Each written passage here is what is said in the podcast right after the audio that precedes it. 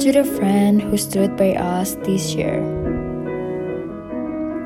Thank you for loving us when we weren't so lovable.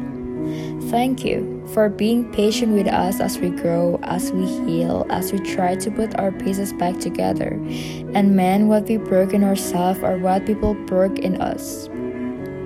Thank you for making the difficult time this year so much easier to handle and so much easier to accept and so much easier to get through. Thank you for letting us be vulnerable and honest without judging us.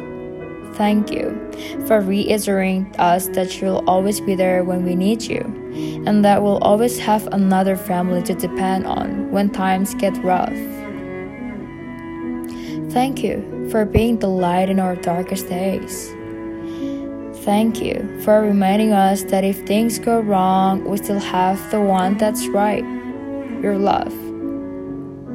Thank you for showing us that true friendship will always stand the test of time and you'll always show up for us when we need you. Thank you for being the reason we leave this year with good memories and fun time and laughter. Thank you for always making our years memorable because you were in them. Because when we look back, we'll remember the trips we took together, the people we met, the memories we made, the new beginnings we shared, and all the wonderful occasions we celebrated.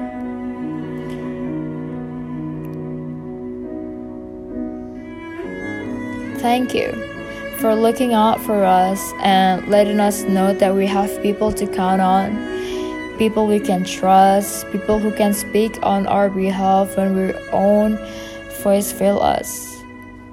Thank you for helping us survive yet another year, but most of all, thank you for being our friends all this past month and all the years to come because knowing you're there.